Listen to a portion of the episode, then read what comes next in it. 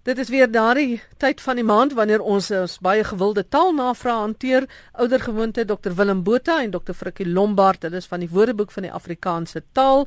Ons het 'n klompie lekker navrae wat ons kan hanteer en ons gaan sommer begin by jou Willem met 'n vraag van Yvonne Strauss van Gramstad.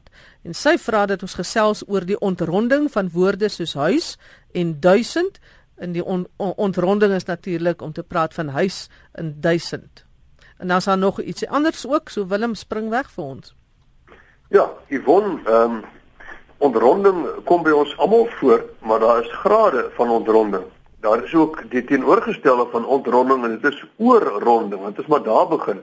As jy so sê huis en duisend in plaas van huis en duisend, dan oorrond jy. Dan gaan jy af na 'n gewone normale ronding wat iets sal wees soos huis en duisend en dan natuurlik nou ontronding wat uh, in sy uiterste vorm iets sal laat gebeur soos huis en duisend. Nou iewers tussen daardie uiterstes lê die korrekte uitspraak. So ek kan maar net vir jou sê dat ontronding is eintlik 'n natuurlike verskynsel, maar daar is grade van ontronding en as dit te plat raak, is dit nie eintlik goeie Afrikaans nie, is nie standaard Afrikaans nie. Jy praat oor die gewoonte dat sommige mense uh, jy weet sê na elke sin of in die middel van 'n sin ons was gister 'n Kaap toe, jy weet, en so voort. Nou Yvonne, dit is maar 'n wat ons noem 'n stoplap of 'n stopwoord dan nou 'n gewoonte of 'n meganisme om die luisteraar se aandag te behou. Mens kry baie forme daarvan. Party mense sê verstaan jy, hoor jy of nie waar nie.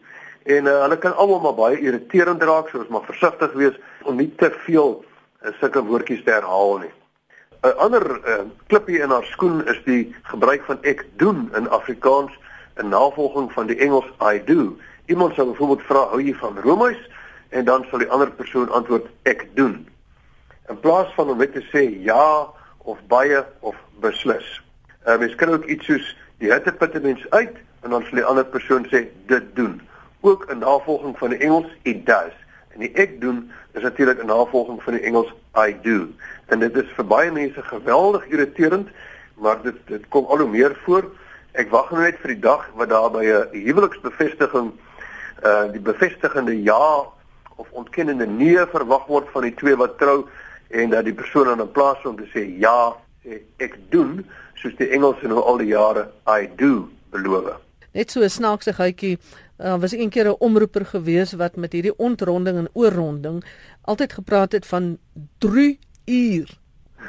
so, ons spot nou nog baie keer daarmee. Frikkie Reta vra oor die betekenis van die woord remont of remont wat sy in 'n ou boek raak gelees het. Ek ken ook nie die woord nie. Ja, dit is 'n ek dink is 'n woord wat uh, min mense van bewus is en dit is maar 'n bietjie histories. Dit is ook 'n soort volksetimologie want dit kom uit remount uh, en 'n remount uh, in Engels was 'n vars perd. Ons praat ook van die samestelling kry ons remont perd, dan sit 'n perd wat nou 'n uitgeputte, beseerde of verlore perd moet vervang. Met ander soos die ouens in die ou dae gery het, baie keer ehm um, boodskappers het hulle elke nou en dan 'n vars perd gekry en dit was dan 'n remont of 'n remont perd. Nou die re van remont beteken natuurlik weer in mount in die Engels uh beteken om op te klim. En die interessantheid is dat hierdie opklim het later geword die ding ook waarop jy klim. Jy kry dus to mount something to mount a horse en later praat jy van die van die perd ook as 'n mount. En dit is waar remont min of meer hoe in mekaar steek. So dit is daardie vars perd wat jy gekry het uh nadat jou eie perd gedaan geraak het en jy lang afstande moet ry. Net so ietsie oor hierdie raak gelees. Sy sê sy het dit in 'n boek raak gelees. Vir my hmm. interessant is uh ons praat altyd van raak geloop en raak gesien. Maar in ja. die jongste tye praat mense van raak gelees en raak gehoor ook.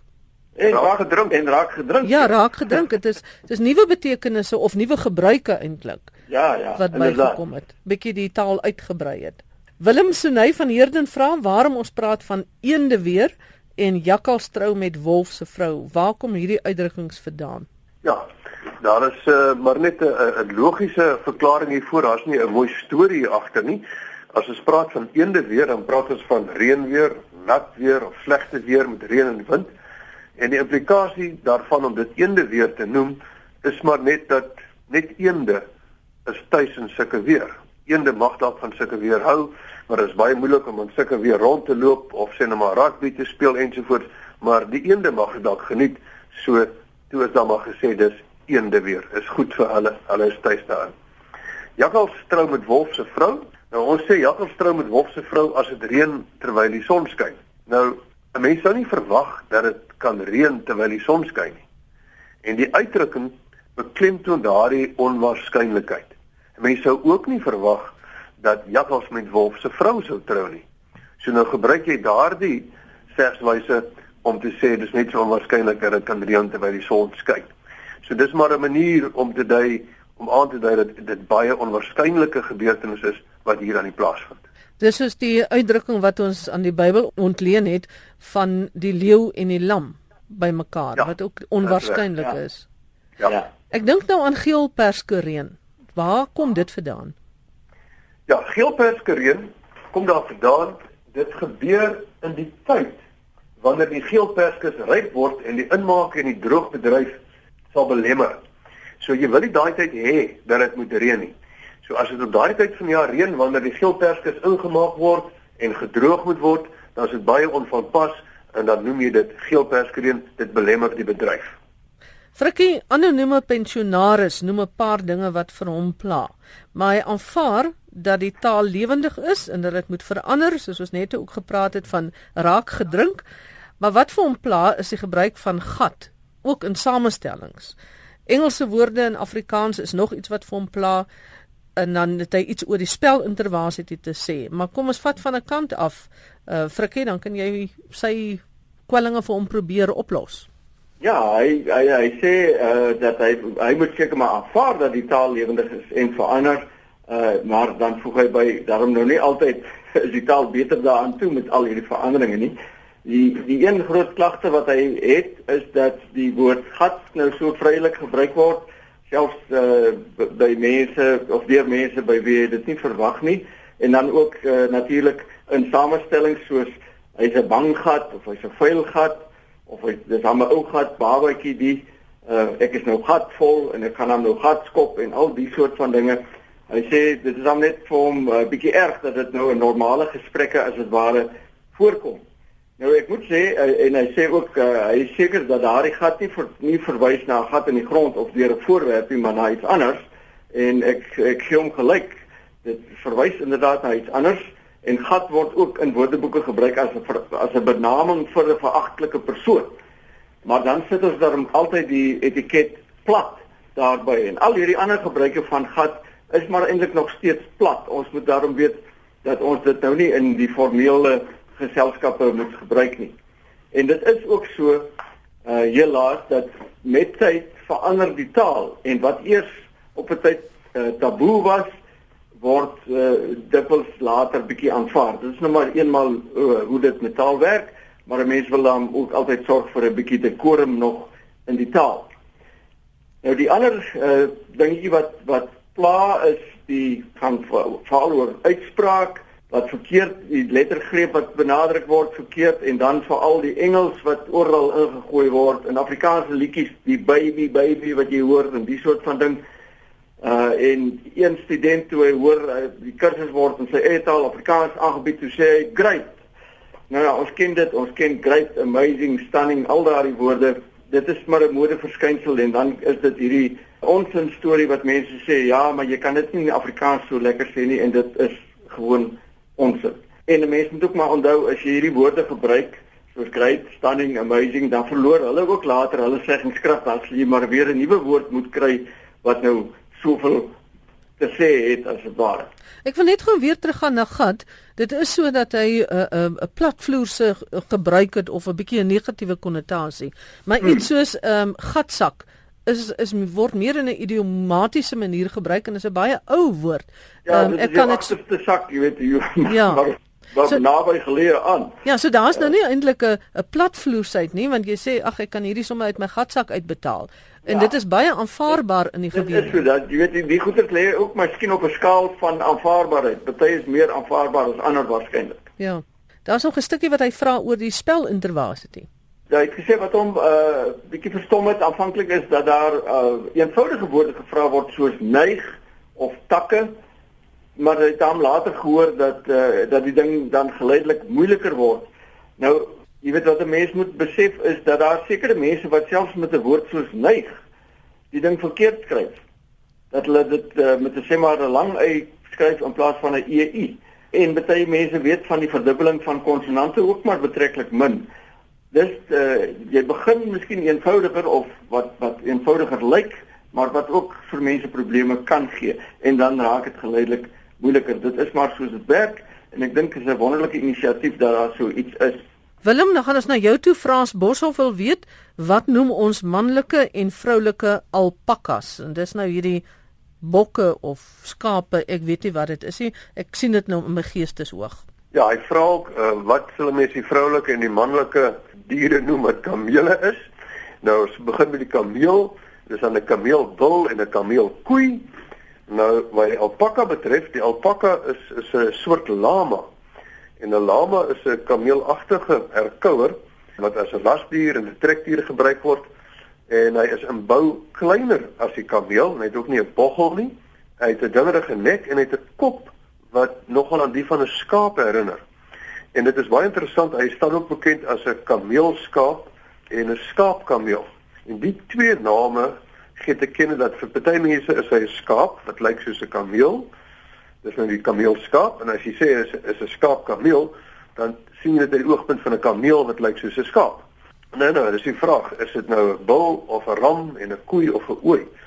Nou ek sou sê die alpaka lyk vir my daarom nader aan die grootte van 'n skaap as die van 'n kameel. So ek sou praat van 'n ram en 'n ooi as ons van alpakas praat. Ek dink die alpakas is is in die moderne tyd ook half 'n wil nou nie sê status simbool nie, maar amper soos die die koi visse.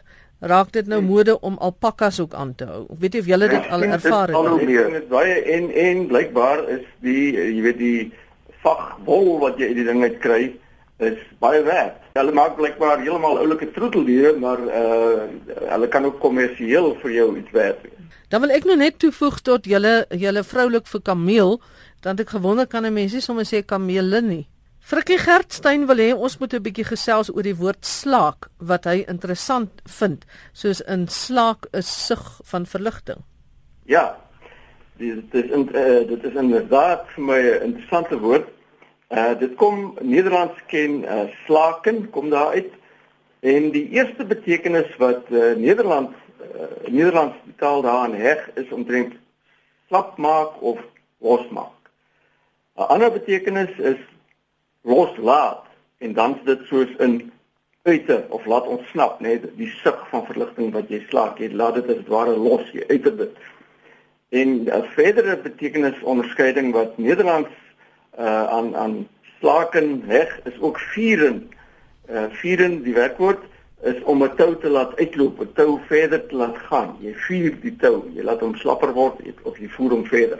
Nou wat interessant is, ons ken slaak eintlik die beste uit die voorbeeld wat jy gegee het Magdalene, naamlik 'n sug van verligting slaak en daar beteken dit soos ek gesê het, maar net uiter of voortbring Jy kan ook 'n kreet of 'n kreun of selfs 'n vloek slaak. Jy raak maar net ontslaa daarvan, jy laat dit ontsnap. Iets wat ons nie in Afrikaans so goed ken nie, is die volgende betekenisonderskeiding en dis wat Nederlands heel goed ken, is losmaak of bevry van iets wat jou bind. Ek gaan 'n voorbeeldsinnetjie sommer hier lees. Hy het die mag om die gevangenes te slaak as hy wil. Met ander woorde, hy kan hulle losknoop, losmaak as hy wil. So jy kan boeie slaak, jy kan kettinge slaak of toue slaak, dan maak jy dit los. Wat interessant is is dat hierdie woord het ook 'n sogenaamde figuurlike of metaforiese uitbreiding ondergaan. Ek gee as 'n uh, voorbeeld maar weer 'n sinnetjie. Die grens van voorheen wat betref die poesie word voelbaar geslaak. Die poesie praat in 'n gewoner alledaagse toon. Dis as dit ware asof jy die band wat die poesie so bietjie gebind het of teruggehou het, bietjie losgemaak het sodat hy vryer word. En dit is 'n interessante woord. Ek dink uh, minderig mense is bewus van hierdie tweede betekenisonderskeiding wat vlak het, maar hy word tog wel vrylik in Afrikaans gebruik. Dan is hier 'n vraag van uh, Pieter Horn en hy is van mening dat weerprofete fouteer as hulle na koue en warm temperature verwys. En dan gaan hy aan na Eskom toe en hy sê die produk van Eskom is nie krag nie, maar energie of drywing. So hier's nou 'n lekker tegniese ding vir jou om oor te praat, Willem. Ja, Hon, ehm um, jy sê dan verder weerprofete verwys gereeld na warm temperature en koue temperature. Maar hy sê sins en sins is dit meer korrek om te praat van 'n lae temperatuur en 'n hoë temperatuur want dit is slegs 'n syfer op 'n temperatuurskaal soos Fahrenheit of Celsius en die syfer self het nie inherente warmte of koue nie, alhoewel dit nie temperatuur nie. En ek stem heeltemal met hom saam. Jy kan nie praat van 'n koue temperatuur van 3 grade Celsius op Tafelberg nie. Dis 'n lae temperatuur van 3 grade Celsius. So jy dis korrek om die volgende te sê, daar mag 'n koue naweek op Gautengers omdat baie lae temperature vir hierdie gebied voorspel word. So die weerprofete moet maar kennis neem. Ek stem absoluut saam met meneer Horn. Temperatuur kan nie warm of koud wees nie. Net so sê jy kan 'n spoed nie stadig of vinnig wees nie. Jy kan nie sê 30 km/h is stadiger, is 'n stadiger spoed as 60 km/h nie. Uh, die spoed is laer as die ander. 30 km is laer as 60 km. Ehm um, dis fyn onderskeidings, maar hy is heeltemal reg en dan ek die weerprofete ehm um, kan maar vir hom luister. Dan uh, het hy ook iets te sê oor die gebruik van krag. Hy sê in die fisika is daar 'n duidelike onderskeid wat getref word tussen die begrippe krag, energie en drywing. Uh, hy sê die meeste leerders op skool is bewus hiervan. As jy die gebruik van krag soos in Eskom wat beurtkrag toepas of jou krag afsny, is baie goed ingeburger in die volksmond, maar dit is verkeerd omdat die eenheid van krag die newton is en energie word in joule gemeet en elektrisiteit soos ons dit ken wat ons krag noem word in watt gemeet. Maar ek gee hy toe om vir Jan Publiek nou te vra om van Eskom se krag te praat as drywing is seker nou te veel gevra. En dan sê hy in Suid-Afrika het ons 'n energiekrisis en nie 'n kragkrisis nie. En dit klink amper vir my 'n bietjie bekend wat ek dink een van Eskom se amptenare het onlangs gesê ons het nie 'n kragkrisis nie, ons het 'n energiekrisis. So in daai opsig is hulle reg. Ons het net oor gepraat oor slaak en voordat ons nou te ver weg beweeg, is 'n ander vraag oor die woord traak wat nou eintlik lekker rym met slaak. En dit is Sari van Deventer, sy vra vir jou frikkie, waar kom die woord traak vandaan, soos in ek traak nie. Ja, dit is 'n uh, uh, interessant uh, sorry. Ek onthou destyds was ek en en Willem was by uh, professor Meyer de Villiers in die in die klas en hy het onder andere uh, grammatika geskryf vir volwassenes en uh, ek het 'n bietjie daarin gaan rondkrap en hy noem die verskynsel protese, nie prostese nie, protese. En dit is uh wanneer deel van 'n voorafgaande woord aan 'n volgende geheg word. En in traagste geval is dit die volvorm wat waar hy vandaan kom is eintlik dit raak my nie. En dan kry jy die die teer van dit en as jy verbind dit sommer met die raak en dan kry jy traak. So dit kom uit dit raak my nie word traak en dan kry jy ook traak my nie agter en so voort. 'n ander geval wat hy wat hy uh, noem of 'n ander voorbeeld is naand wat eintlik uit goeie avond kom wat navond geword het en dan sommer later naand geword. Dan dink ek het ons tyd vir nog so 'n laaste vraag voor ons afsluit en Willem jy gaan vir ons die vraag beantwoord. Suna vra hoe mense onderskei tussen hernoem, genoem, vernoem en benoem. En dit gaan oor 'n losie by een van die um, sportterreine in Suid-Afrika wat na AB de Villiers, die cricketspeler vernoem is. Ja, nou ons sou sê dat die losie is in 2015 vernoem na AB de Villiers en uh, sê net maar volgende jaar in 2016 word dit nou weer na Hashim Amla vernoem dan sal ons sê die losie is in 2016 hernoem na Hashim Amla weer genoem en die slag na Hashim Amla. Benoem, uh, kom ons hou maar by die cricket. Die komitee het Faf du Plessis benoem vir die vir die toekenning as speler van die wedstryd.